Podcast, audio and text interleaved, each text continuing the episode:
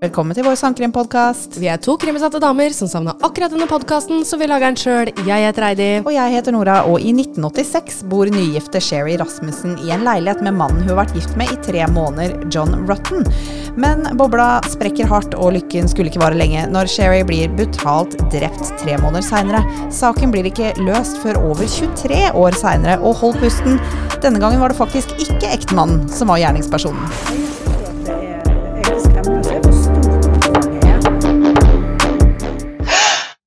Wow. Hei, Heidi. Hei, Nora.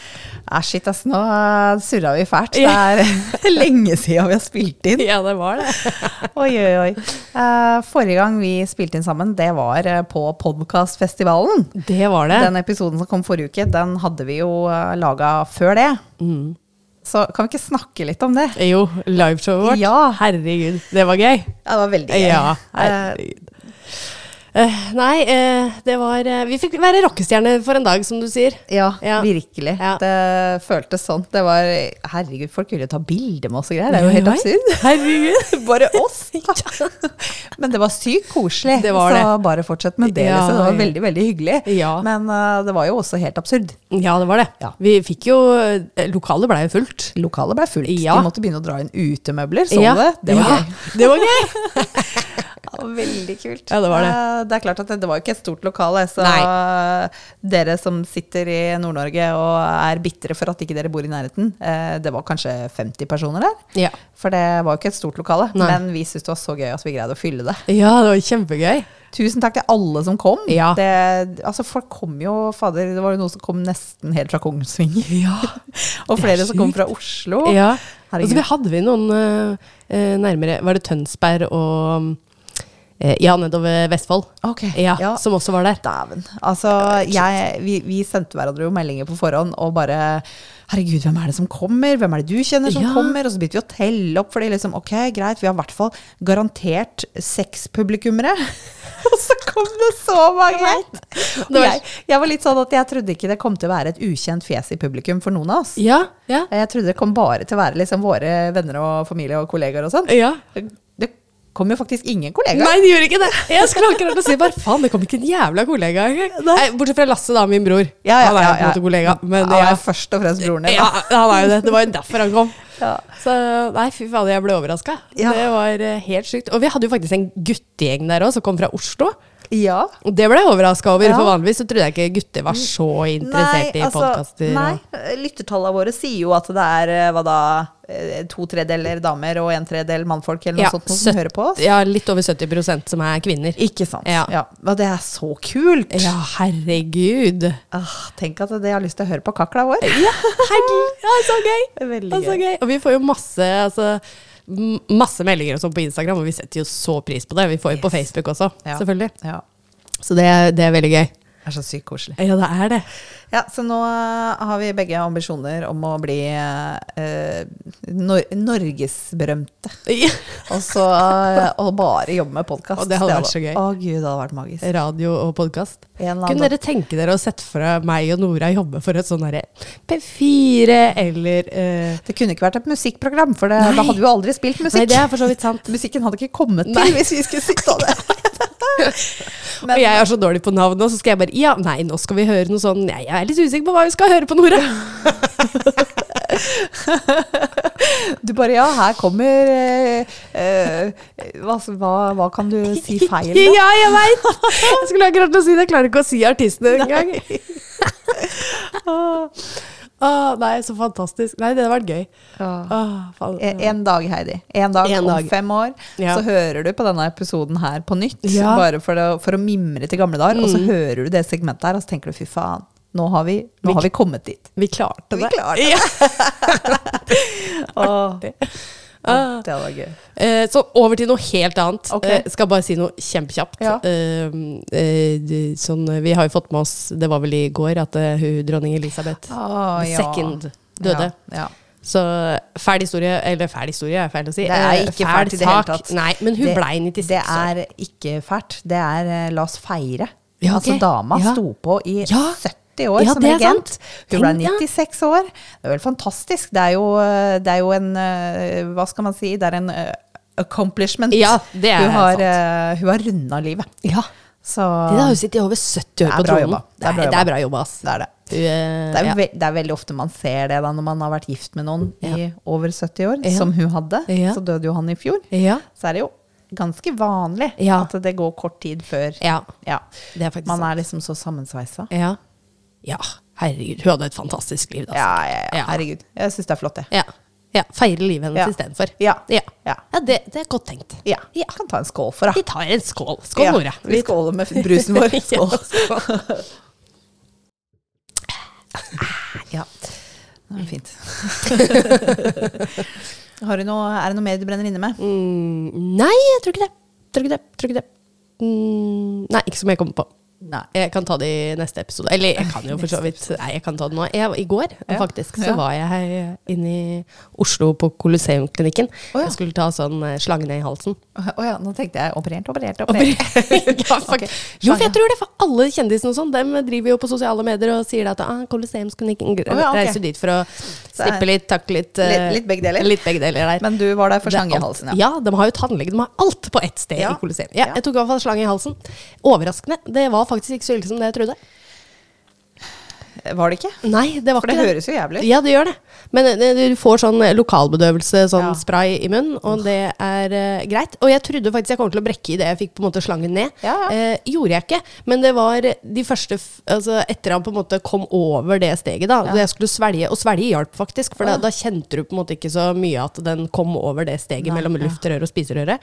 Uh, men så når han begynte da etterpå å dra han videre nedover, da begynte jeg å brekke meg. Jeg brakk meg tre ganger, ellers så gikk det helt greit. Å. Ja, så det Nei, det var en rar følelse. Men det høres eh, ekkelt ut. ja, det som var ekkelt, var etterpå. For det var sånn, du kjentes ut som du hadde masse sånne matrester liggende liksom i, bak i halsen. Ja. Det var det som var nasty. Du Så bare bare- jeg, må, jeg må drikke. Oh. ja. Og så bare Nei, du må faste en time til. Ja. Nei. Jeg hadde ikke spist Dette var jo klokka sju på kvelden, så jeg hadde ikke spist hele dagen. Fy. Så jeg bare Ikke det at eh, mat for meg er så viktig på morgenen, altså. For det, Nei, det veit jeg det ikke ja, er. Nei, men um, da var jeg sulten. Og jævlig tørst. No! time til. Nei. Brø, brøyt du fasten? Nei, jeg gjorde faktisk ikke det. Men Du det holdt deg en time? Ja, fordi det tok ca. en time å komme meg hjem, da, for jeg Ja. måtte innom butikken på vei. Så Ja. når jeg var kommet hjem, så, så var den timen gått. Da må jeg spørre deg. Ja. Du, alt det der, du skal ikke gå i butikken sulten og sånn, og du hadde ikke spist hele dagen, Nei. og du hadde fasta lenger enn du Oh, ville. ja. Hva kjøpte du? Du, jeg kjøpte overraskende ikke mye. Jeg kjøpte en halvliter brus, og så kjøpte jeg en energidrink til i dag, egentlig. Og så en liten pizza. Det var ganske beskjedent. Men jeg spiste hele pizzaen. Ja, selvfølgelig. altså, sånne frossenpizzaer er jo porsjonsstørrelse, Ja. spør du meg. Ja, helt, helt riktig. Og det var ikke sånn Grandiosa-størrelse, det var litt mindre. Da. Ja, ja, ikke sant. Men, ja. eh, Grandiosa er også porsjon. Ja, ja, ja, ja. Den var jævlig god, den Hvis du går på Jonas B og kjøper deg en pizza, Ja. så er det jo den størrelsen. Ja, det er de, sant. de kaller det porsjon. Ja, de gjør jo det. Det er til en eller ja, to personer, kommer an på. Forferdelig kaloribombe hvis du skal hyle nedpå en hel Grandis, selvfølgelig. Men det gjør man jo innimellom. Ja, jeg trodde automatisk at det teller på en måte hva du får i deg i løpet av dagen av kalorier og sånn. Ja, ja. Ja, ja, ja, Ja. Men problemet mitt er jo det at det har ikke hjulpet så mye, for jeg inntar jo all den kalorien på ett måltid i løpet av dagen. Så eh, for mitt fordøyelsessystem, det får litt sjokk. Kroppen din har bare gått på sparebluss hele dagen, og så bare wow! What the fuck? Så den får litt sjokk, så den hamstrer jo på alt det dritet jeg får i meg. Så det er ikke rart at jeg er litt sånn jojo oppe og ned i vekt. Så Eh, den Du, du, du snakker mye om det. Ja. Eh, til meg i hvert fall. Du snakker Ja. ikke så mye om det på lufta, men Nei. du, i mine øyne, du har jo bare alltid vært slank. Ja da. Ja da. Eh, du er ikke sånn som meg som fluktuerer 20 kilo. For det gjør Nå jeg. har du jo også vært gravid, da. Ja, og dette er ikke gravidvekt, for det bare smelter bort idet jeg fødte. Eh, sånn at dette her er koronavekt, det her er Jo, pandemi, det her er god mat og god vin i 2020. Det er på kroppen min nå. Jeg kødder ikke. Nei, jo. Ja, jo, men jeg også fikk jo koronavekt. Det er der eh, jeg sleit litt. Jeg har aldri bikka 60-tallet ever. Og det var liksom 61 og en halv. Og til og med Vet du hva, Jeg har aldri bikka 60-tallet, jeg heller. Bare fra andre veien. Nei da, vet du hva. I, i 2018 ja. så var jeg nede på 69,9. Det det kan jeg så se. nydelig. ja. Det er lenge siden. det er mange kilo siden. Det er mange kilo siden. Ja, Nei, ja, nei, vi skal nei. ikke drive og spre sånn kroppspress. Nei, nei, det er viktig at man er eh, sunn, Ja. og at man er fornøyd i Ja. egen kropp. Og kropp er topp. folkens. Kropp er topp. Ja, ja, ja, ja. Og faktisk, det meste Jeg var faktisk ekstremt fornøyd når jeg gikk opp i vekt. For det er ikke kult å være motsatt vei heller. Så Nei, det, vet du hva, man skal være fornøyd med det man er. Ferdig med det. Ja. Man har alle usikkerheter, og tro meg, jeg er en av dem. Ja, ja, ja, vi er bare mennesker. Jepp. Så nei, vær fornøyd med den du er, tenker jeg. Ja.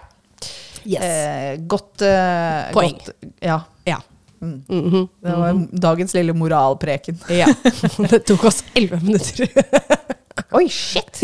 Eh, vi har jo ikke snakka sammen på noen, noen uker. Ja, vi, vi, det var godt vi, jeg ringte deg på onsdag, ja. for da fikk vi jo utløp. Da snakka vi over en time. ja. Herregud, det trengte vi. ja, Ellers hadde dette tatt mye mer enn elleve minutter. Det blir det en egen episode. Ja, og, til, og så skipperne håper jeg fortsatt ikke hører på, fordi jeg skriver det Ja. i beskrivelsen. At Det de kan skippe til minutt sånn og sånn. Ja. Men uh, da kan jeg jo begynne med saken, da. Yes. Ja. Um, uh, vi begynner da med John Rutten.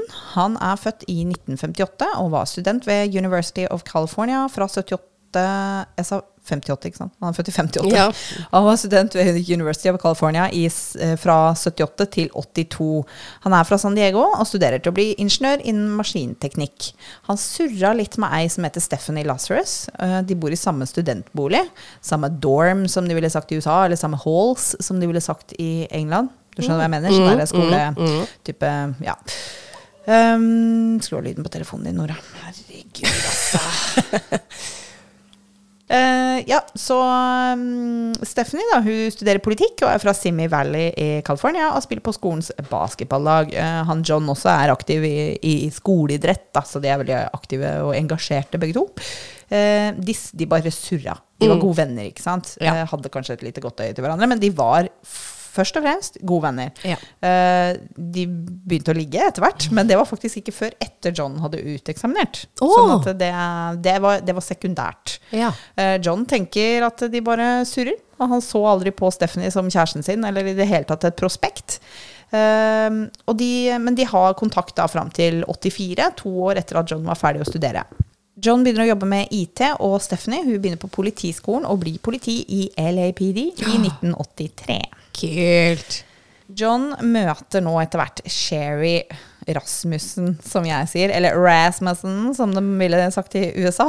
Er det et typisk eh, navn i USA? Det er veldig mange skandinaviske Ja, det det. immigranter sånn Ja. fra gammelt av. Mm. Så det er mange sånne norske navn som Ja. henger igjen. Eller ikke norske nødvendigvis, men skandinaviske. da. Det er jo vanlig også i USA å hete Gunnar, bare at de sier Gunnar. Ja, det er sant. Ikke sant? Veldig sant. Merkelig greie. Mhm. Nei, men jeg kaller henne for Rasmussen, Ja. eh, sjøl om de uttaler det annerledes. Eh, men Sherry da, hun er født i 57, og foreldrene er eh, Nels og Loretta. Uh, ja, eh, de, de skriver da Nils med E. Jeg oh, ja. antar kanskje det er en danske aner. Ja, de skriver jo skriver ikke de ofte Nils som N-I-E-L-S. Og så for å gjøre det mer engelsk, Ja. så i USA så blir det bare Nels. Ja. Men jeg kommer helt sikkert bare til å kalle den for Nils, for det faller meg veldig naturlig. Men foreldrene er Nils og Loretta, og hun har en storesøster og får også etter hvert en lillesøster. Hun er født i Walla Walla. Ah, kult! Jeg husker du hadde en annen sak hvor det var Walla Walla. Det var fengsel i Walla Walla. Ja. Hun er født i Walla Walla, men eh, familien flytta til Arizona, så det er her hun har vokst opp. Nils er tannlege med egen praksis, og Loretta jobber også der. Hun er sånn der, eh, på en måte manager på kontoret, da. Ja, skjønner. Um, eh, Sherry er ei veldig god jente. Hun trengte aldri å få beskjed om å gjøre leksene sine, for det hadde hun allerede gjort. Og hun var snill og omtenksom. Hun uteksaminerte uttak... Øh. Hun uteksaminerte faktisk ett år tidligere fra skolen, fordi hun tok alle fag for det siste året over sommerferien. Og der var grunnskolen, så hun begynte et år tidligere på high school. Eh, både grunnskolen og videregående var Seventh Day Adventist. Er Ok. med? Det er altså eh, religiøse skoler. Oh. Eh, eller som de på norsk Wikipedia heter, Syvendedags adventskirken. Nei, unnskyld. Syvendedags adventistkirken. Eh, som de skriver eh, på egne nettsider, disse folka, er det en frikjerke som kaller adventistkjerka i eh, dagligtale, og har 20 millioner voksne medlemmer globalt, 4500 av de i Norge. Jeg orker ikke grave så dypt i den trosretningen ingen- innen kristendommen, for det har egentlig ingenting med saken å gjøre. Det bare maler et bilde av en pliktoppfyllende jente, muligens oppdratt i et praktiserende troende hjem. Ja. Eh, ikke sant? Godt forklart. Ja, da, Ja. Da, det maler et bilde, bare. ja. Eh, Bestevenninna Emily på videregående sier at hun var alltid blid og positiv, hun Sherry, men aldri helt fornøyd med egen innsats. Hun mente alltid at hun kunne gjort mer, uansett hva det skulle være. Så typisk flink pike-syndrom der, altså. Hun begynte på høyere utdanning allerede som 16-åring, fordi hun var jo typisk eh, flinkis, og blei jo ferdig tidlig med videregående også. Og da uh, valgte hun å studere videre i California. Både so storesøstera hennes og tanta hennes, to damer Sherry stod så veldig opp til, var sykepleiere. Eh, Og søsteren studerte ennå, og Sherry bestemmer seg for å bli sykepleier, hun òg. Så hun begynner å studere ved Loma Linda School of Medicine, også i California. Eh, Tilfeldigvis, eller kanskje overhodet ikke tilfeldig, så er det også en kristen skole, faktisk en adventistskole. Oi. Ja. Uh, Storesøstera hennes gikk jo her. Eh, hun uteksaminerte derfra i 77, faktisk samme år som storesøsteren. Så der har du det igjen. Hun har tatt av igjen, ikke sant? Hun er jo helt rå. Oh, wow. Hun bare setter seg mål og går bare above and beyond. Ja. fy faen, det er Så jeg. jeg tenker hun må jo være utrolig intelligent. Åh, jeg er så misunnelig. Ja. Tenk å være en Ja. sånn som bare gjør ting. Jeg veit. Og så som ting setter seg i hjernen òg, liksom. Ja, Det bare liksom går inn og bare Ja. blir der. Det bare blir der, ja. What? Og du husker det. Ja, Ja. sjukt. Det, tenk å være sånn. Ja, noen har klisterhjerne, noen har teflonhjerne. Ja. Ja. Uh, hun går videre da for å ta master ved University of California. Og samtidig så jobber hun som sykepleier på skolens helsestasjon. Så bare 23 år gammel så har hun mastergraden i handa i 1982. Og da var hun klinisk sykepleier spesialisert innen hjertemedisin. Wow. Ja. Pappa Nils han var vel veldig stolt, for da kjøper han en leilighet til henne i Van Nuys i California, hvor hun bodde med katten sin og seinere også en venninne. Eh, Pappa kjøpte, men flink pike Sherry vil være selvstendig, så hun betaler avdraga på lånet sjøl.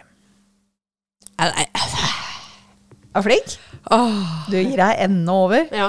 Hun fikk seg jo raskt jobb, selvfølgelig, ved Glendale Adventist Medical Center, eh, som du hører også Adventist, Ja. Eh, og blei da faktisk seinere leder for sykepleierne, bare 27 år gammel. Altså rå. Det er rå. Eh, Da holdt hun presentasjoner og hadde ansvar for opplæring av nye sykepleiere. Åh. 27 år gammel, bare barnet, liksom. Tenkte jeg bare, ja. Fram til nå så hadde ikke hun vært så interessert i, eller Hadde som som jeg tolker det, ja, Hadde ikke hatt tid til. hadde ikke egentlig hatt tid til Nei. å date noe særlig. Nei. Men hun blei bedt med på en fest av venninna si Anita i mai i 1984, og der treffer hun John Rutten, som skulle bli hennes livskjærlighet. John er høy og kjekk, han har tre søsken og jobber nå som dataingeniør. Sherry er også høy, hun, faktisk hun er veldig høy, hun er 1,85. Oi. Og hun er vakker, og hun har jo kommet langt i karrieren sin. Hun har alt på plass i livet sitt, fra jobb til leilighet, og John passer jo perfekt inn som kronen på dette glansbildet. Oh yes. John så henne fra andre sida av rommet, og Mm. fikk tak i nummeret hennes eh, av en eh, felles bekjent. Og ringte, ringte henne for å be ham med på en date, men hun inviterte han hjem, heller hjem på middag og serverte han biff stroganoff. John beskrev det som kjærlighet ved første blikk. Å, herregud! Hu- Husk at hun dør. Ja, det var ikke så koselig. Nei. Men uh, han beskriver det som kjærlighet ved første blikk, og ett år seinere, etter første møte, så er de forlova. Åh. Forlovelsesringen blei ble eh, kassert til fordel for en ny bil til eh, Sherry, som er litt mer eh, praktisk. Altså, de bruker så sjukt mye penger på forlovelsesringer i USA og i England. Eh, når jeg bodde i England, så hørte jeg det var sånn tommelfingerregel at ringen skal koste tre månedslønninger. er du med, eller?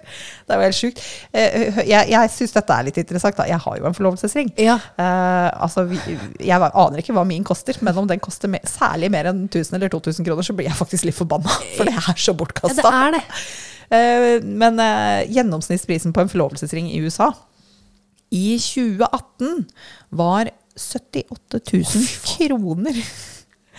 I 2020 så var det faktisk halvert, sikkert pga. korona, men vi snakker jo da fortsatt nesten 40 000 kroner, altså. Men, men det skjønner jeg ikke heller. Altså, du får en ny ring når du gifter deg? Eller? Ja. ja. Ja. Hva fader skal du med den? Du går jo ikke med den forlovelsesringen lenger da? Jo, Gjør du det? Innimellom. Ja, eller, vi, ja. Vi eller, så, hadde gjort det. eller så kan du bruke den til sammen, ikke sant. Det er mange Ja. som kjøper sånn av forlovelsesringen, og så har du en giftering oppå der som på en måte passer inn, sånn at liksom, du får sånn to i én-greie. Ja, ja. Nei, så jeg skjønner jo det at eh, det er, altså det er forferdelig bortkasta penger, mener jeg. Eh, bruk heller de penga på bryllup. Faen, du kunne kjøpt et lite bryllup. Uh, det. Er selvfølgelig en liten avsporing, men uh, Sherry og John de er jo fornuftige. I stedet for å bruke masse penger på en ring, så Mm. Smart. kjøper han en bil til deg. Og bare det er jo råflott, Ja. men det er jo praktisk. Veldig. Ikke sant? Ja. Siden de nå uansett skal gifte seg, så ber Sherry venninna si om å flytte ut, og hun og John blir samboere den sommeren i 85. Syns jeg var litt interessant, fordi Mm. at jeg tenkte jøss, er ikke hun sånn drittroende, eller hva? Ja.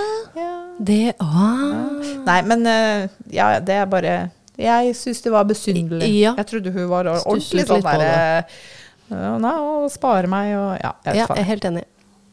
Det virker sånn, bare. Ja.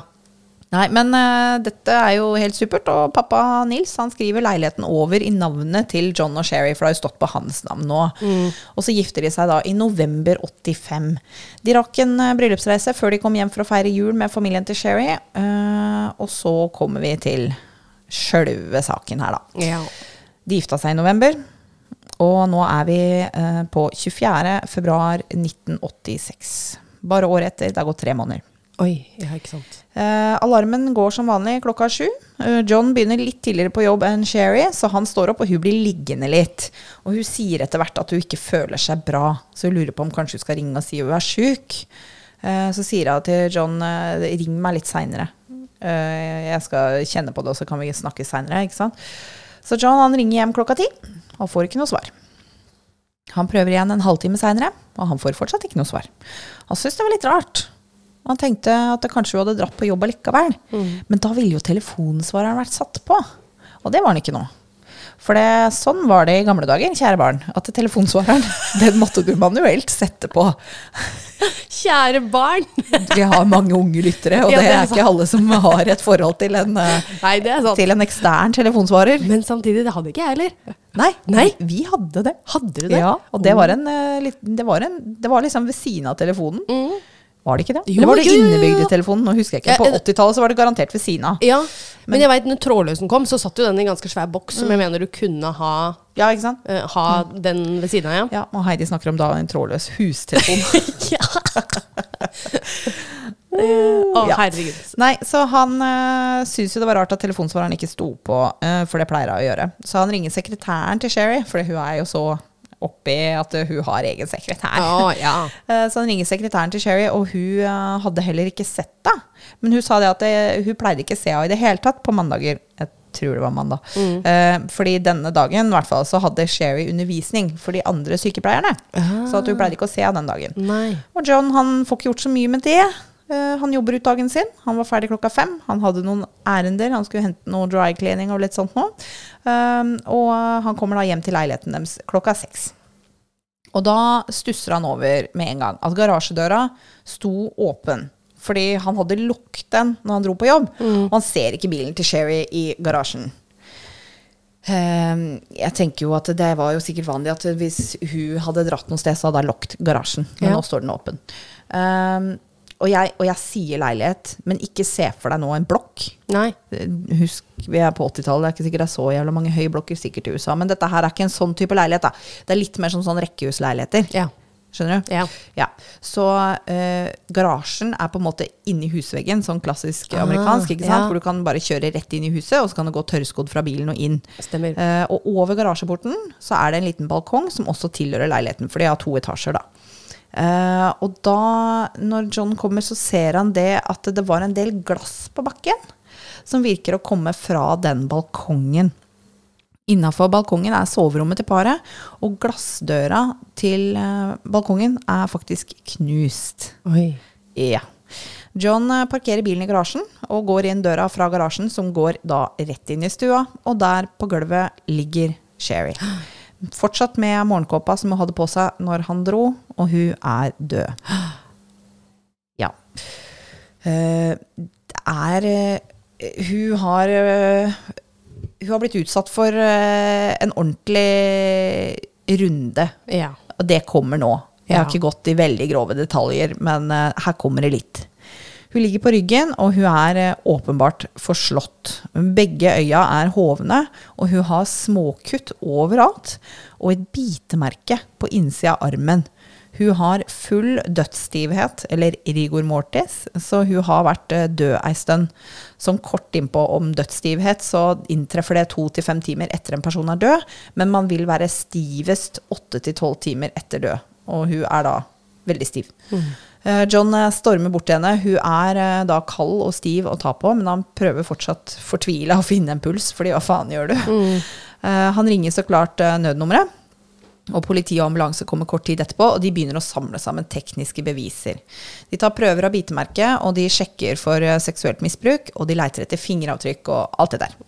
Eh, Sherry har også merker rundt håndledda, som indikerer at hun kan ha vært bindt fast. Og de finner også et tynt tau som ligger like ved inngangsdøra. Hun har et sår i huet som samsvarer med en knust vase. Og de finner biter av neglene hennes ved inngangsdøra, som viser at hun, hun eh, slåss hardt. Ja. Hun har tre skuddsår i brystet. Og så er det et lappeteppe i sofaen som har blitt brukt som lyddemper. For den hadde også krutt, skuddhøl og krutt på seg. Sånn eh, Hva, hva er det det heter for noe? Eh, Powder burn. Powder, ja, ja, ja. Sånn krutt. ja, det er krutt. Ja. Det høres så veldig western ut, men det er jo tydeligvis med moderne skytevåpen og sånn, så får du jo, om du avfyrer skudd eller om du blir skutt, så havner det jo sånn type residue ja eller sånn, sånn krutt- rester, kruttrester. ja. Kruttslam, kan Ja, man si det? Ja, kanskje det. Um, så to av, um, to av skuddene har blitt uh, avfyrt på, på nært hold, og ett kanskje fra den andre sida av rommet. Og kulene skulle seinere vise seg å være fra en 38 kaliber. Det var en del blodige fingeravtrykk rundt omkring, og blod på gulvet. Det var også et blodig håndavtrykk ved siden av alarmsystemet. Sherry og John hadde oppgradert eh, alarmsystemet sitt nylig, og det kan virke som Sherry prøvde å aktivere det på et tidspunkt, for hun har da klaska han der rett ved sida men ikke da nådd fått det til. Eh, nede i stua ved sida av garasjen så var det tømt noen skuffer på gulvet. De man bare dratt ut skuffer og bare tømt innholdet på gulvet. Og en høyttaler i stua var blitt revet rett ut av veggen. Og oppe på soverommet var jo balkongdørene knust, som jeg nevnte i stad. Det virker som det har vært en voldsom kamp. Ja, fy fader, hun har virkelig kjempa for livet sitt, altså. Det har han. Ja. Hovedetterforskeren han konkluderer med at dette er et ran som har gått skeis, og sa seg fornøyd med det. Det hadde riktignok vært en rekke innbrudd i området i denne perioden. Og bare to måneder etter det her, så var det også et innbrudd bare fem minutter unna leiligheten til John og Sherry. Så, og her hos John og Sherry da, så virka det jo som om noen hadde prøvd å stjele lydutstyret. Og i bunnen av trappa sto også en eh, VHS-spiller og et musikkanlegg. Så de har en teori om at noen gjorde innbrudd der, blei overraska av Sherry som var hjemme den dagen, og i kampens hete har de glemt alt de egentlig skulle stjele. ikke sant? Hun, hun døde, og de fikk panikk, og de stakk. Um, bortsett fra bilen, fordi at bilen til Sherry er jo borte. Ja. Uh, bilen ble funnet ti dager seinere i nærheten, og nøkkelen sto i tenninga. Og Den så egentlig bare helt vanlig ut, og ikke noe gærent med den. Men det var én annen ting som var borte. Det var ekteskapsbeviset til John og Sherry. Ok.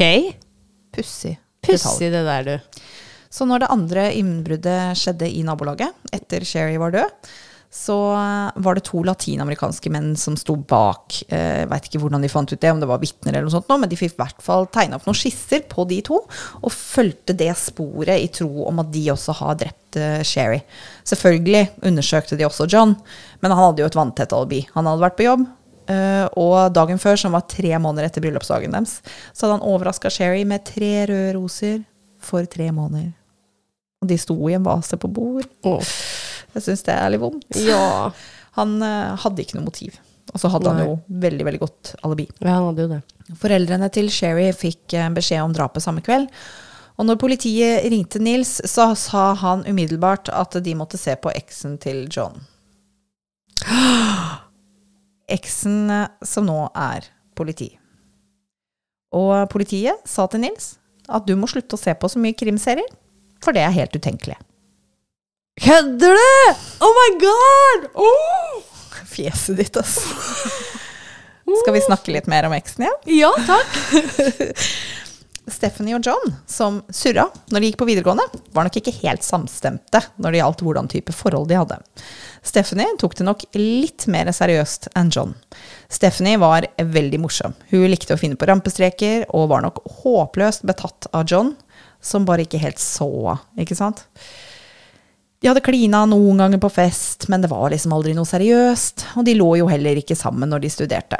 Stephanie og John de dro, på en del turer. Som jeg forstår det, så var de en del av en større vennegjeng. Eh, blant annet dro de til San Diego, og Stephanie ble god venn med familien til John, og spesielt moren hans. Og de eh, fyllbyrdet jo ikke forholdet sitt før mm. sommeren etter John hadde uteksaminert. Og de fortsatte å henge da sånn to-tre ganger i måneden og dro på turer sammen. De var hovedsakelig gode venner, tenker John. Kanskje noe mer, tenker Jen, Stephanie, da. Og de lå sammen innimellom. De gjorde jo det. Fucking good friends, kanskje. Uh, når Stephanie var ferdig opplært som politi, så kjøpte hun en leilighet. Og det var faktisk John og broren til John, som hun også kjenner via John, da, mm. som hjalp henne å flytte og male leiligheten. Altså, de var veldig tight. Stephanie overraska til og med også John med en fest til 25-årsdagen hans. Men hele tida så dater John andre, som han ikke snakker med Stephanie om. Det er jo litt kleint, ikke sant. Du, ja. du har en liten greie, mm. har ei som er litt sånn på gress. Du ja. gidder jo ikke fortelle hun at hun skal på date med Carol i morgen, liksom. Nei, og jeg tror nok han John òg visste at hun var litt betatt av han. Det vil jeg ja. tro, egentlig. Ellers så tror jeg ikke det hadde vært noe problem å snakke Nei. sånn. Nei. Nei, det er sant. Mm. det er sant. Hvis det virkelig var platonisk, yes. så burde ikke det vært noe problem. Nei. Han uh, tenker jo at de bare er venner som surrer iblant, og når datene ikke fører videre, så har han jo Stephanie på beite til trøst, ikke sant? Selvfølgelig. Så John han ser jo ingen grunn til å definere forholdet med Stephanie. Han følte de var enige om at det var en type vennskapsforhold med litt attåt, og han følte også det var gjensidig. Sorry, attåt, altså. Du har å si det. Oversatt av undertegnede. ja, det tviler jeg ikke yes. på. er, det, er, ikke det fucking good friends på norsk, da? Eh, med, litt, med litt attåt. Med litt attåt. Men uh, Stephanie hun er klar over at hun føler mye mer for han enn han gjør for hun. Ja. Og hun klager over det til venninner og skriver om det i dagboka si. Og hun blei veldig opprørt når John og Sherry forlover seg. Hun skrev i dagboka si at det deprimerte henne, og hun greide ikke å konsentrere seg. 'This is very bad', skrev hun. Hun ringer John og gråter og spør om han ikke kan komme bort en tur. John og Sherry har ikke flytta sammen ennå, men de har akkurat forlova seg. Det kan jo tenkes at eh, John ikke har fortalt eh, om Stephanie til Sherry. Det at liksom, Jeg har en venninne mm. Vi er litt sånn ekstra gode venner. Ja. Og så plutselig bare er det, greit, er det greit at jeg stikker dit en tur? Liksom? Ja. Nei. Nei. Så eh, Stephanie hun ringer og griner og spør om han kan komme bort, og John gjør det. Han og Stephanie har kjent hverandre i sju år, og han har aldri sett henne så opprørt. Så hun benytter jo anledningen da, til å bekjenne sin udødelige kjærlighet for han, og hun sier at hun er så lei seg, og hun vil ikke at han skal gifte seg, i hvert fall ikke uten å vite hva hun egentlig føler. Og han trodde jo han hadde vært veldig tydelig med Stephanie. Og han forteller at han føler ikke det samme. Stephanie er så lei seg. Og hun har bare så lyst til å bare ligge litt for en siste gang. For å få litt closure. Herregud. Det hjelper jo ikke! Kan vi ikke bare Åh. ligge litt til, da? Herregud. Så eh, han gjør jo det, da. Det hjelper helt sikkert John. Altså, bare sånn, bryte inn litt ja, her. Altså, ja. Jenter, dette det hjelper ikke. Nei, det, there, that. Hjelper ikke. Du gjør det bare mer verre for deg sjøl. Og så kommer John og skal liksom være så grei og liksom ja, hjelpe ja. henne å få, og, få, få, slukka sorgen sin ved, å, ved, at han får en orgasme. Ja, og da det er liksom det også, tenker jeg. Det er sikkert ikke sånn at hun kom tre ganger. Nei, det. Så liksom, ja, tusen takk. Bare tenker at å, ja, men nå har jo han følelser for meg, siden Åh. han viser noen form for uh, Siden han kom i meg? Ja. Nei. Uh, unnskyld at uh, vi ler her. Det er bare Dette er ikke måten man uh, kommer over noen på. Nei. Jeg, jeg har prøvd det sjøl. Ja. Jeg kan skrive det på det at det hjelper det ikke. Jo, det er jo en sånn derre Det er en sånn et ordtak, mm. kan man si. At for å komme over noen, må du komme under noen andre. Men ja. her er det jo to streker under noen andre. ikke, liksom. det, er ikke, det, er ikke, det er ikke særlig fruktbart. Nei. Men eh, han John han er nyforlova, og han ligger med Stephanie, da. Yeah. I håp om at det skulle gjøre det litt lettere for henne, for kanskje. ja. Ja, For lette på dårlig samvittighet kanskje overfor henne. Han bare 'Å, shit, dette burde vi kanskje snakka om, at ikke jeg føler det sånn for deg'. Så så, nå ligger vi litt. Ja. Ja. Eh, Det går en måned eller to før Stephanie tar seg ei lita tur til Glendale Adventist Medical Center. Mm. Ja, jobben til Sherry. Hun har på seg en veldig kort og tram, stram treningsshorts og en tanktop. eh, Og spør etter Sherry hos sekretæren hennes. Så hun sitter og venter der til Sherry har kommet tilbake fra lunsj, og da går de inn på kontoret hennes sammen. Stephanie kommer ut igjen og går, og Sherry kommer ut noen minutter seinere. Og sekretæren sa det var åpenbart at hun hadde grått. Oi. Sherry sa eh, hun ikke følte seg bra, og dro hjem, til tross for at det var midt på dagen. Eh, Sherry gjenfortalte om dette møtet med eksen til John på telefon med faren sin seinere den kvelden. Eh, hun og faren snakka sammen hver dag på telefon. Og da sa hun at Stephanie hadde sagt at hvis ikke hun kan få han, så skal ingen få han. Altså Oi. John. Ja. Og hun hadde også sagt at når ekteskapet deres ryker, for det vil det, så kommer jeg til å være klar til å plukke opp bitene.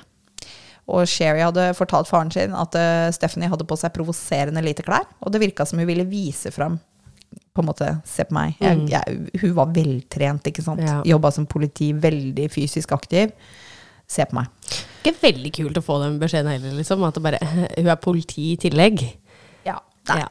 Jeg, jeg hadde tenkt sånn. Altså, ja, ja, men altså, hva gjør du? Du kunne jo på en måte kanskje uh, anmeldt henne for trakassering, ikke sant? Men hun er Jeg jo politi. Ja.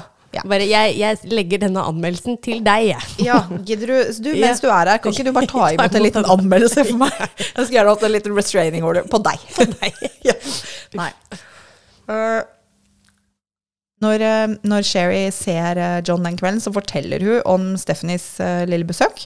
Og hun sa også noe til John som ikke hun hadde delt med faren sin. Fordi Stephanie hadde fortalt Sherry at hun og John lå sammen etter forlovelsen. John blei veldig lei seg. Han sa han hadde gjort en feil, et alvorlig mm, misgrep, og han skulle aldri ha ligget med henne. Han ba om tilgivelse, og han ba om at hun ikke skulle ødelegge det fine forholdet de hadde. Og det er jo jævlig provoserende. Han ber henne Ja. ikke ødelegge etter at han, var utro. Ja! Men det er ikke poenget her. Mm. Get over it. Pust med magen. Sherry tilgir. Og John tok ikke kontakt med Stephanie igjen. Ikke engang for å brumle til henne om det besøket på sjukehuset. Han Skulle bare, bare mangle. han bare ligger unna. Ja. Ja, jo, ja, men, Ja. men veit du hva? Hvis Å, nei. Altså, hadde det skjedd meg For det Ja. første, jeg hadde jo gått. Snakkes Yes. aldri. Eh, men hvis, hvis jeg skulle, mot all formodning, blitt, yeah. så skulle jeg jo ha han til å ta kontakt med hun og be henne sette helvete å holde seg unna. Ja, en siste samtale. Ja, men, men, men han var helt hands off. Ja, ja, det er Og- og- men, men jeg er sikker på at hun på en måte har sagt at det ikke Mm. snakk noe mer med hun. Men jeg bare å, Det koker litt inni meg. Ja. Seinere den sommeren så sender Stephanie et brev til moren til John. Oh. Det skal nevnes at mora sendte et brev først, Ja, okay. men Stephanie skriver et brev tilbake. Ja. Og eh, det var egentlig bare et hyggelig brev, Mm. men hun, hun skriver der da at hun har vært veldig lei seg det siste året, at ikke hun kan forstå Johns beslutning, og at hun er veldig glad i familien deres og håper hun kan finne noen som dem igjen. Og så avslutter hun med at det er bare å ta kontakt hvis det skulle være noe, og at moren til eh, John skal hilse til de andre. Um, altså hvis du blir dumpa, så er det ikke sånn at det, det å kjase på svigermor gjør at du på en måte har en sjanse igjen. Nei. Altså Se for deg hvis du skulle snakke med mora til eksen din. Hva skulle hun gjøre da? Nei, altså jeg kan Du, du, Robert, du må ta tilbake Heidi også, fordi at eh, hun har sendt meg brev. altså, hvor tror du dette skal ende? Oh, nei, det er det. Altså, jeg skjønner at det er vanskelig, for du blir jo glad i familien deres òg, men Ja. hallo, da. Det er en pakkedeal her, og mister du hovedfoten din Ja, Altså Nei! Nei, nei, nei, nei. Det, er, det er en pakke sentrert ja. rundt eh, personen. Ja. Ja. Ja. Nei. Du kan ikke på en måte bare få papiret. Du må, hvis ikke du har innholdet, på en måte. For å gå videre med den pakkeanalogien. Word. Um, men det her var altså ikke det siste de skulle høre fra Stephanie. Nei, det tviler jeg ikke på. Når vinteren kommer og paret er gift og bor sammen, så dukker Stephanie opp på døra. Hun eh, bare går inn og spør om ikke John kan være så snill og smøre skia hennes. Og jeg tror for ordens skyld det er California, jeg tror det var vannski. Men Ja, ja. John, kan ikke du smøre skia mine? Eh, Sherry syns jo dette var noe ubehagelig, eh, så hun sier til John eh, John, ikke ta de skia. Men det gjorde han. Eh, Sherry måtte be Stephanie om å gå, for hun hang igjen der som en dårlig lukt. og, og Sherry sier til John ok, altså nå, nå er skia hennes her, men ikke smør de. Ikke gjør den dama noen tjenester. Men det gjorde han. Stephanie dukker opp igjen en uke seinere for å hente skia.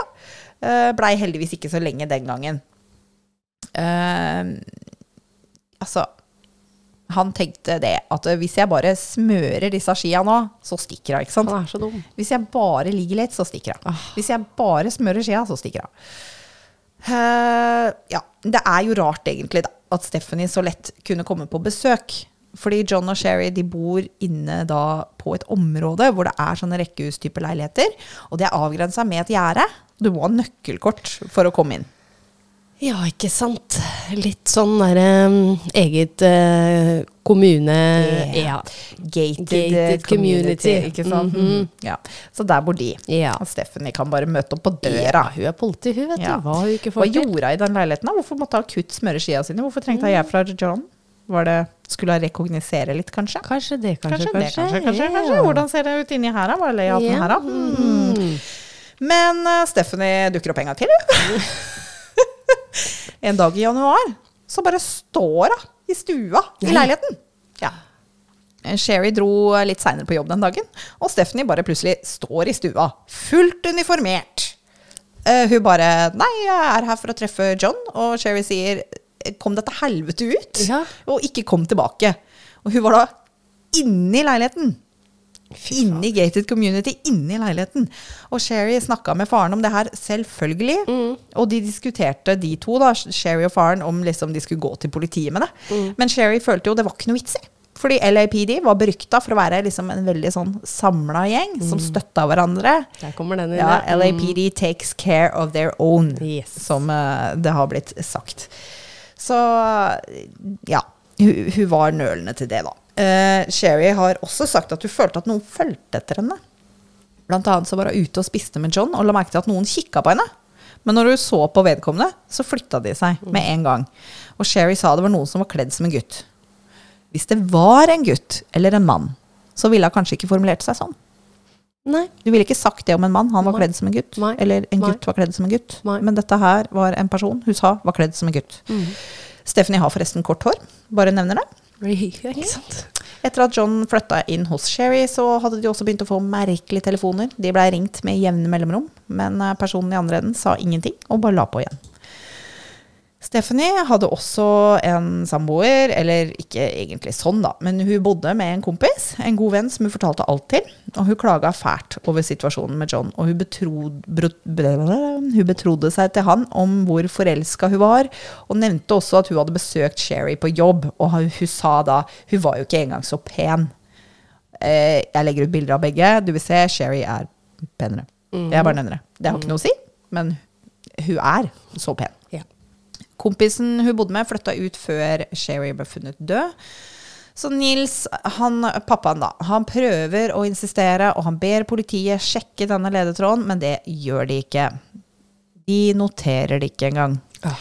Politiet har et loggsystem hvor de noterer alt de finner ut underveis kronologisk, og etterpå blir det lagt i et datasystem. Og, men den håndskrevne loggen blir også arkivert. Eh, den første biten av den håndskrevne loggen mangler. Eh, så alt som står i den håndskrevne loggen, er fokus på det andre ranet som skjedde etter mordet. Fordi at de mener at det er samme gjerningsperson i begge sakene, og får kanskje litt tunnelsyn. Over de neste åra så er foreldrene til Sherry jevnlig i kontakt med politiet for å etterspørre oppdateringer. De er på dem som en flue på en Så skit. bra. Yes. De får ingen svar, men saken lokkes ikke. Den er fortsatt åpen, men det er ikke noe nytt. Nei. Så de bare passer på at eh, ikke glem den her, og snakker med de hele tida. Mm. I 1993 så blir hovedetterforskeren i saken pensjonist. Altså 93. Det her skjedde i 86. Allerede så syns jeg det har gått for lang tid. Ja, ja. Eh, Men hovedetterforskeren han pensjonerer seg, og Nils og Loretta tenker at yes, da kanskje det blir vei i vellinga. De avtaler et møte med den nye hovedetterforskeren, og på denne tida så har DNA-teknologien kommet lenger enn den hadde i 86. Og det er mange gamle saker som blir løst. Og foreldrene til Sherry spør håpefullt om det er noen planer om å få DNA-testa bevisene. Men den nye etterforskeren sier det er det ikke. De har ingen mistenkte som de kan sammenligne med, og dessuten har de ikke budsjett til å foreta testing på måfå. Og Nils og Loretta sier «Eh, det er ikke noe problem, vi kan betale, vi. Ah, Det, det løser vi smidig. Og etterforskeren sier takk, men nei takk. fy faen. Etter hvert så gjenopptar faktisk Stephanie og John kontakten igjen. Nei, gjør dem det, du. Ja, men John må ha vært litt nølende. Fordi han tar faktisk kontakt med LAPD for å dobbeltsjekke at Stephanie ikke er i politiets søkelys Oi. vedrørende drapet på kona si. Ja. Så han har nok uh, vært litt Mistenksom, han òg. ja. ja. Han ville bare være helt sikker på at ikke hun var interessant for saken. Eh, men de sier så klart at det er hun ikke. Og de to blir venner sånn som de var før. Så de drar på en dykketur til Hawaii med venner fra college og ender opp i senga et par ganger til. ja. Men de glir fra hverandre. Yes. Så Men det er provoserende. Ja, det er provoserende. veldig provoserende. Stephanie hun gifter seg med en kollega, og de adopterer en datter sammen. Og John gifter seg også igjen etter hvert og starter en familie. Stephanie gjør det veldig bra. Hun klatrer på jobb, og hun stiger i gradene, og hun blir utnevnt, utnevnt til årets etterforsker to ganger. Og hun var innom flere avdelinger før hun begynner å jobbe med kunsttyveri. Og det er en jobb med mye presseomtale. Hun er veldig respektert og veldig godt likt av kollegaer, og har aldri fått noe anmerkning på jobb. Stephanie er bare én av to etterforskere som jobber med kunsttyveri, og fikk oppmerksomhet i media når de fant igjen en stjålet statue. Og hun var kjent eh, for å gi bort sjokoladetrekk til kirsebær og hjemmelaga såpe til naboene sine til jul, og hun var aktiv i LAPDs kvinneforening og organiserte barnepass for kollegaene sine. Veldig, veldig raus og god Ja. dame. Jeg ser det på hele fjeset ditt at du får bare gode følelser innvendig. Ja, ikke sant? Ja. I 2001 så åpner eh, LAPD en egen avdeling for å ta opp gamle saker. Ja. Nå har DNA-teknologien kommet enda lenger, og de får et budsjett på 50 millioner dollar for å gjenåpne gamle saker som har tilstrekkelig bevis hvor de kan gjøre DNA-tester. I 2003 så snubler noen over saken til Sherry og sender den videre til DNA-testing, som da ikke blir gjort før i desember 2004.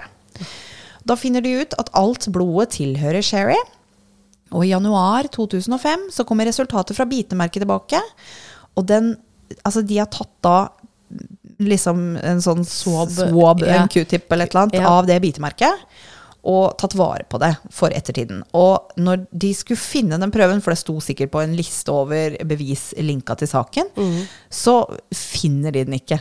Ikke sant? Den er bare borte. De finner den langt nedi en fryser hos eh, obdusenten. Okay. Eh, så ligger den nederst i en fryser, og den er ikke engang eh, Den er ikke engang uh, merka riktig. Det står bare Rasmussen på den. Ah. Den er ikke merka med saks-ID og sånn, Nei. men den ligger helt, helt nederst. Men uh, de finner den, og de tar uh, og tester det spyttet, og finner ut at spyttet tilhører en kvinne. Mhm. Og kjører dette gjennom databasen, altså den kriminelle databasen, om jeg må få understreke, Ja. uh, og får ikke noe treff på det. Hovedetterforskeren avfeier det her med at eh, ja, det var vel en kvinnelig innbruddstyv, da. Og hun som jobber med de gamle sakene, Jennifer Francis, hun ser gjennom saken og ser at en av sykepleierne som Sherry jobba med, hadde nevnt en annen kvinne. Så hun spurte etterforskeren om dette, og han bare 'Å, mener du hun LAPD-etterforskeren?' Nei, hun har ikke noe med det her å gjøre. Han mente fortsatt at det var et innbrudd som har gått skeis, og saken gikk tilbake i skuffen. I 2009 hadde avdelingen for uløste saker løst alle de sakene de kunne, og de var klare til å ta en titt på de sakene som de tidligere hadde lagt til side for å få opp statistikken litt. ja. Etterforskerne Jim Nuttall og Pete Barba fikk øya opp for saken til Sherry. Fordi spyttprøven viste en kvinnelig gjerningsperson, så kjøpte de ikke helt den teorien om innbrudd. Så de bare, veit du hva, nå bare tar vi og fjerner alt dette her eh, som folk synser, og så ser vi kun på bevisa og begynner på nytt. Ok? Så de eh, legger merke til da at døra var ikke brutt opp. Og dessuten skjedde dette midt på lyse dagen. Er det forenlig med innbrudd? Det virker som eh, konflikten hadde starta oppe og endt nede i stua ved døra til garasjen. Husker du at jeg sa det sto en VHS-spiller og et musikkanlegg Yes. rett ned av for trappa? Ja. Hvis det hadde vært et innbrudd som gikk skeis, så ville vel ikke de stått pent stabla oppå hverandre? Nei. Og ganske midt foran trappa, så at hvis du hadde brast ned der Altså Hvis du hadde hatt noe i hendene og blitt ferska, så hadde du kanskje sluppet det. Ja. Det hadde blitt ødelagt, men de sto der, bare stabla. Um, så deres teori er jo da at innbruddet blei iscenesatt etter at Sherry døde. En innbruddstyv ville vel kjapt flykta etter hennes død, og ikke stabla elektronikk på gulvet ved trappa. Det var det jeg tenkte også. Mm. Og hvis det var ved utgangsdøra, da, og ikke ved For mest, eller denne personen har mest sannsynligvis stukket av gårde med bilen til Sherry. Ja. Og da hadde hun vært inne i garasjen, ikke sant? Ja. Eh, dessuten så hadde elektronikken uh, Sherrys blod på seg, så det blei plassert der etter at hun var død, eller i hvert fall skada. Og det var ingen fingeravtrykk der, som om gjerningspersonen brukte hansker. Så har da, nå har de en liste med fem kvinner som de mistenker, deriblant Stephanie.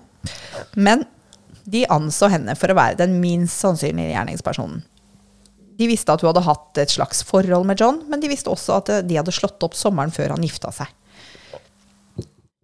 Én etter én blir de andre mistenkte eliminert fra lista, til de bare står igjen med Stephanie.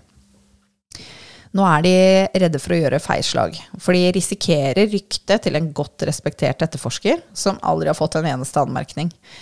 Men de kan også risikere at om det er henne, så kan jo hun få vite det. Hvis de på en måte gjør dette her kjent. Så for at ikke de skal få nyss, for at ikke hun skal få noe nyss om det her, så etterforsker de videre i stillhet. Og de kaller henne bare for nummer fem seg imellom. De bruker ikke navnet hennes. Kontoret deres er i samme bygg som Stephanie.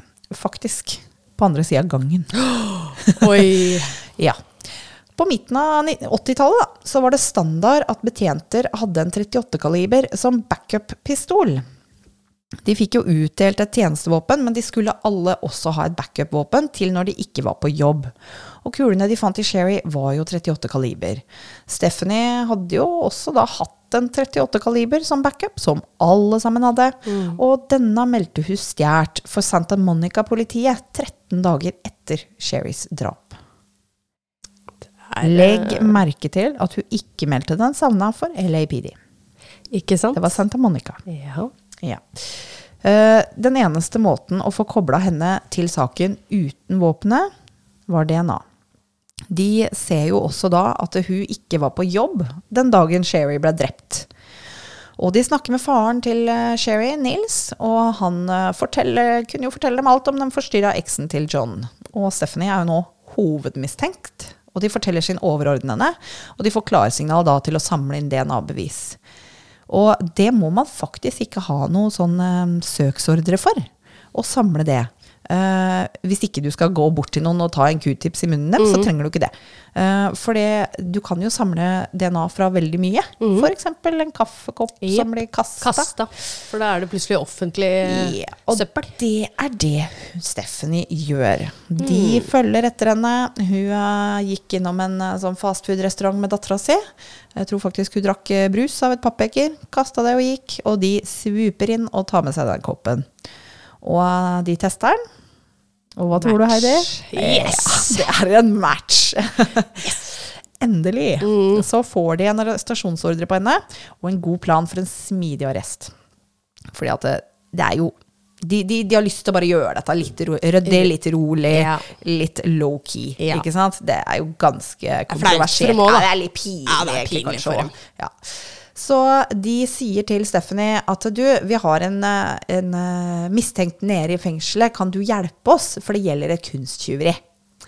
Uh, og det geniale her da, er at for å komme inn i fengselet Eller hva, hva heter det på en måte bare den lille arresten de Ja, har på ja, politistasjonen? Si arresten, da. Ja. Uh, så for å komme inn der, så må du levere inn våpenet ved inngangen. Ja. Så Stephanie, ja, det er klart jeg kan hjelpe dere. Så hun eh, går ned eh, til arresten, eh, leverer inn våpenet sitt, og blir da sjøl avhørt i over en time. og hele timen ligger på YouTube, og jeg har sett den. Oi. Og jeg så også en time med en psykolog som så på den, og eh, en sånn eh, han har en veldig veldig fin kanal, den burde du sjekke ut. Den heter Observe. Alle som er interesserte, burde sjekke den ut. egentlig, For han snakker veldig mye om det ikke-ver- ikke-verbale i kommunikasjonen vår. Og, og han eh, ser da på f.eks. gamle klipp av sånn som Ted Bundy og sånn, Ja. og leser kroppsspråket Ja. hans. Kjempefascinerende. Det er interessant, ja, ja. Veldig. Um, så det også var ganske interessant. Men eh, de um, forteller henne saken de jobber med, og hun er forvirra. Altså, de, de spør de, Det er ganske morsomt, for de spør um, Hun tar plass, og det er jo ikke noe mistenkt der. Hun er litt sånn Jøss, ja, hva skjer her? Og så spør de om uh, hun kjenner John, uh, John Ruden, og hun bare uh, Helt sånn perpleks. Og John, John Ruden Rudden. Så hun retter på det, og det var jo med vilje for å få hun til å gjøre det. Um, så ja, hun er forvirra. Hun bare Men vent, hvorfor lurer dere på Hvorfor er jeg her? Trengte dere ikke noe hjelp? Så sier de nei, vi har lyst til å snakke med deg angående den andre saken her. Vi ser at du har eh, vært venn med John, og det er noe som gjelder han, da. Eh, vi bare for, for din egen del så ønsker vi ikke å gjøre dette oppe på kontoret. Du veit jo åssen det er. Jungeltelegrafen begynner å gå for din egen privacy, så bare tenkte vi det var mye ryddigere å ta det her nede hvor ingen kunne se deg. Og hun bare ja, ja, takk, jeg setter pris på det. Men da kan jo han psykologen si at det hele kroppsspråket hennes eh, sier at det, hun setter ikke pris på det. nei, nei, hun er fornøyd. Nei. Men uh, hun må jo på en måte pent bare sitte der. Du ser at hun sliter litt med sånn derre Skal jeg gå, eller skal jeg bli? Men hun blir.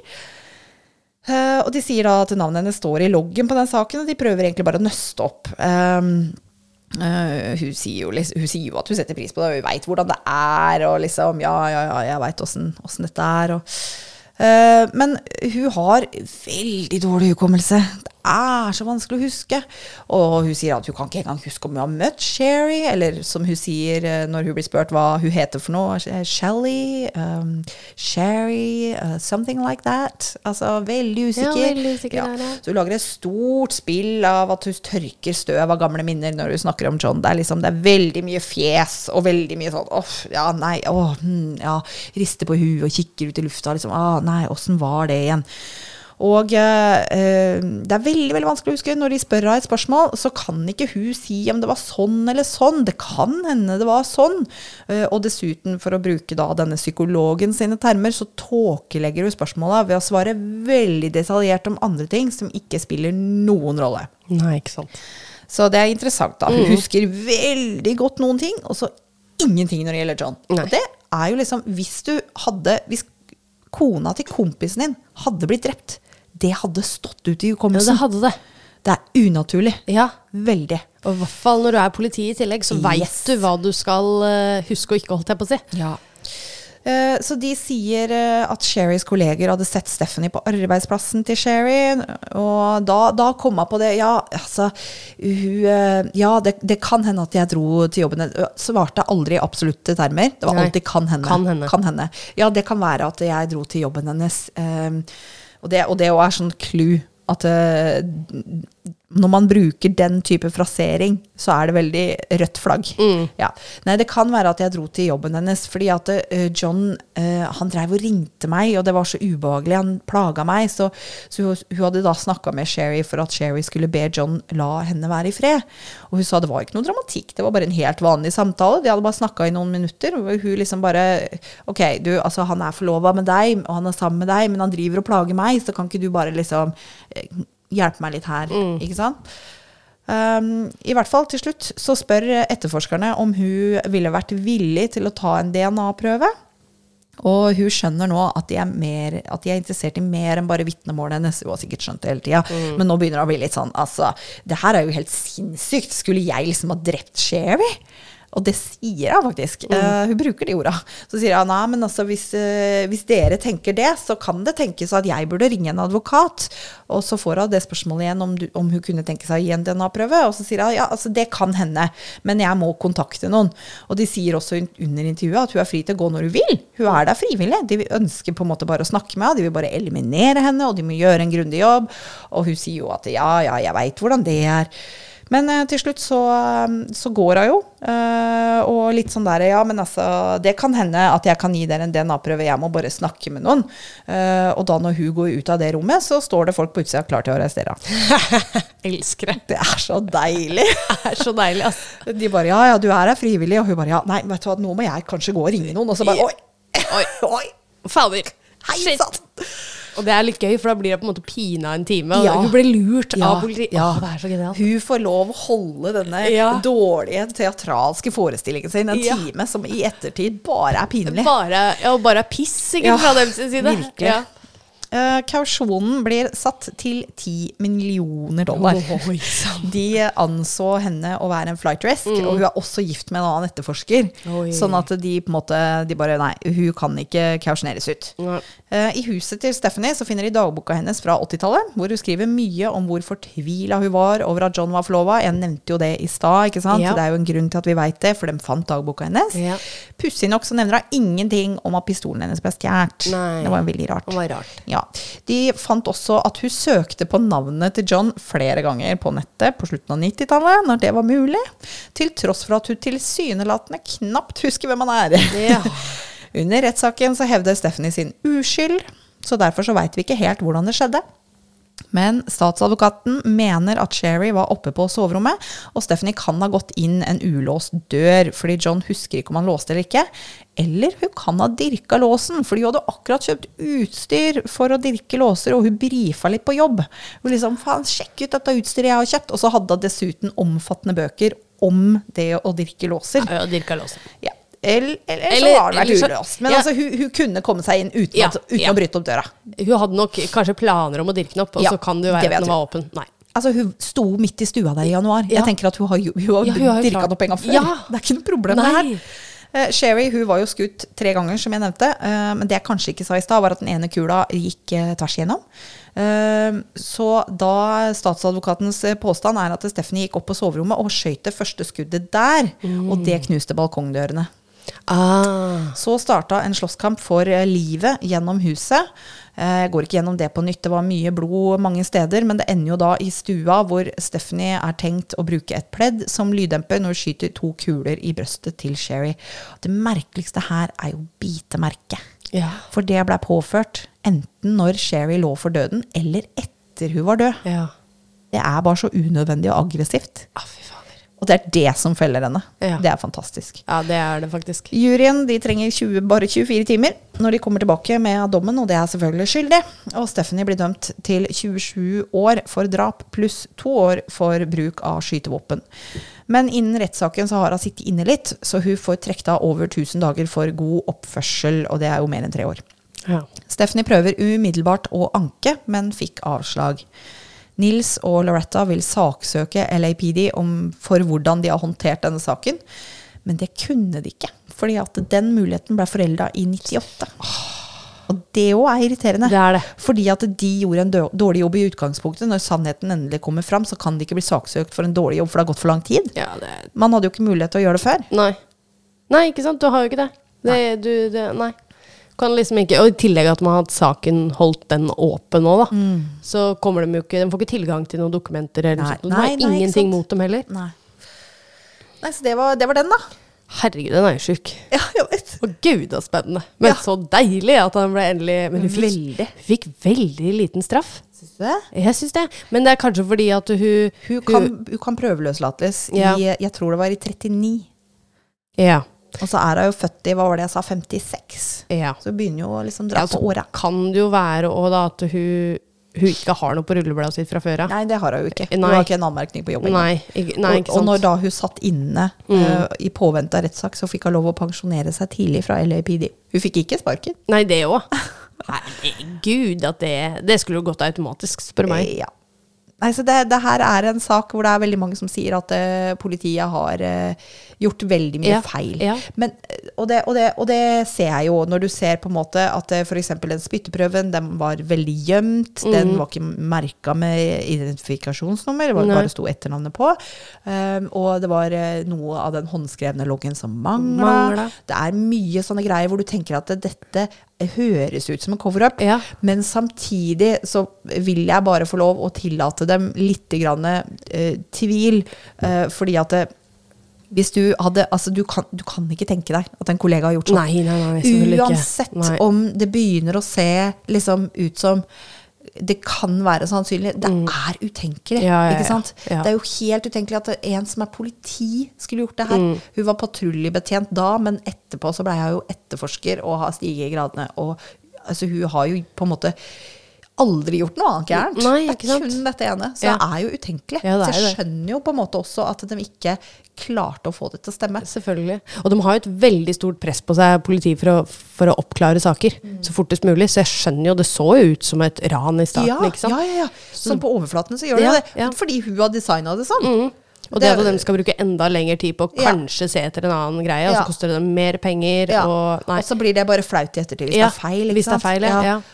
Hvordan kunne du gjøre det mot dine egne, liksom? Ja, det ja. blir um, Det, det er tragisk. Jeg skjønner at det har vært en, det har vært en vanskelig sak å etterforske, og, Ja. og vanskelig å forsone kanskje bevisene med, med Stephanie, da. Mm, mm. Ja, det skjønner jeg. Bare det sånn for å liksom ja. Forsvare lite grann. Være Ja. litt grann djevelens advokat her. Ja, ja. Mm. Jo, men jeg skjønner jo det. Men eh, det er ikke noe tvil om at de gjorde mye feil på, på både Ja. 70- og 80-tallet. Ja, ja, ja. Og, og sånt. Og de har jo, virker som de har skjerpa seg og får litt mer Eller nå skal jeg ikke snakke om USA og alt det greiene der, men, eh, for der er det mye dritt innen politiet òg. Men eh, jeg tror, tror de har fått litt strengere retningslinjer Ja. å gå etter. Det kan godt hende. Ja, vi får Ja. håpe det. Ja, og så vil jeg ikke jeg vil egentlig ikke helt kaste meg på den der 'all cops are bastards'-greia Nei, nei. heller. For det, for det er de jo ikke. Nei, nei, nei. Eh, ja, noen er det. Men, men altså, noen konduktører er også rasshøl. Ja, ja, ja. Absolutt. Ja. Men det er ikke alle. Nei, nei, nei. Og alle så- kan sånn- ha en drittdag òg. Ja, sånn er Ja. det på en måte bare. Det er det. Vi er bare mennesker. Men uh, heldigvis så er saken løst. Ja. Og for de spesielt interesserte så er det jo, eh, ligger det på YouTube hele den timen med avhør. Det er utrolig fascinerende å se på hun. Det, hun har så mye mimikk, og det er så vanskelig å huske. Ja, og når du begynte å nevne det greiene her, så, så Ja. tror jeg mener jeg at jeg har vært innom den Ja, videoen der. ja, jeg så det litt grann på Ja, fjeset ditt. at jeg bare, mm, ja, der kom det ja, opp noe. Det var et eller annet Ja. som så ut som det stemte på et eller annet Yes. tidspunkt her. Mm. Ja, det, det er sant, det er sant. Det er sant. Det er mye, nei, mye rart. For jeg, jeg mener at jeg husker, husker litt klipp av den videoen når du Mm, sier det sånn. Det, det er sikkert at jeg har fått det med meg via han psykologen som du Ja, snakka om. Har du kikka på Ja, det ja, ja. på kanalen Yes. Observe? Han der med lite hår og mye skjegg? ja. Ja, litt skjegg. Eller, ja, er veldig sånn pent kledd i dress. Veldig veldig ålreit type, egentlig. Veldig artig å se på. det er veldig spennende å se på hvordan de kan bruke eller forklare litt eh, i forhold til eh, kroppsspråk Mm. og jeg, jeg husker jeg så også det, men det, det var jo den derre Det er jo en serie, da. Jeg husker ikke helt hva han heter nå, men det er i forhold til å lese kroppsspråk. Ja. Og det er spesielt sånn at hvis folk forklarer deg et eller annet, og de mener f.eks. nei, da, ikke sant. Ja, ja. Du skal svare nei, men du nikker på en måte ja. Mikrobevegelser. Ja. Mm, mm, Sånn at du faktisk nei, nei, nei, og så nikker du ja. Vel, veldig, mye, veldig mange steder i det intervjuet så hadde jeg sånne mikrorister på huet. Mm. Sånn nei, det, Når på en måte ikke det helt samsvarte med det du sa. Mm. Kjempespennende. Spennende. Eh, for de som er interesserte, så er det bare å søke opp Stephanie Lazarus, og det er eh, L-A-Z-Arus. Lazarus. Eh, på YouTube så kommer alt dette opp. Eh, Spennende. så det er litt artig hvis man vil eh, se på det. Ja. Dette tok jo fryktelig lang tid, men Det det. eh, jeg syns det var en spennende sak. Ja, så det den ble fyldig. Ja, og vi trenger innimellom så blir det en lang sak, og så blir det litt kortere noen andre ganger. Ja. Ja. Det, Men det skal vi bare si det sånn, da? Det Og så vi. snakkes vi neste uke. Det gjør vi. Ja, ha det. Ha det. ha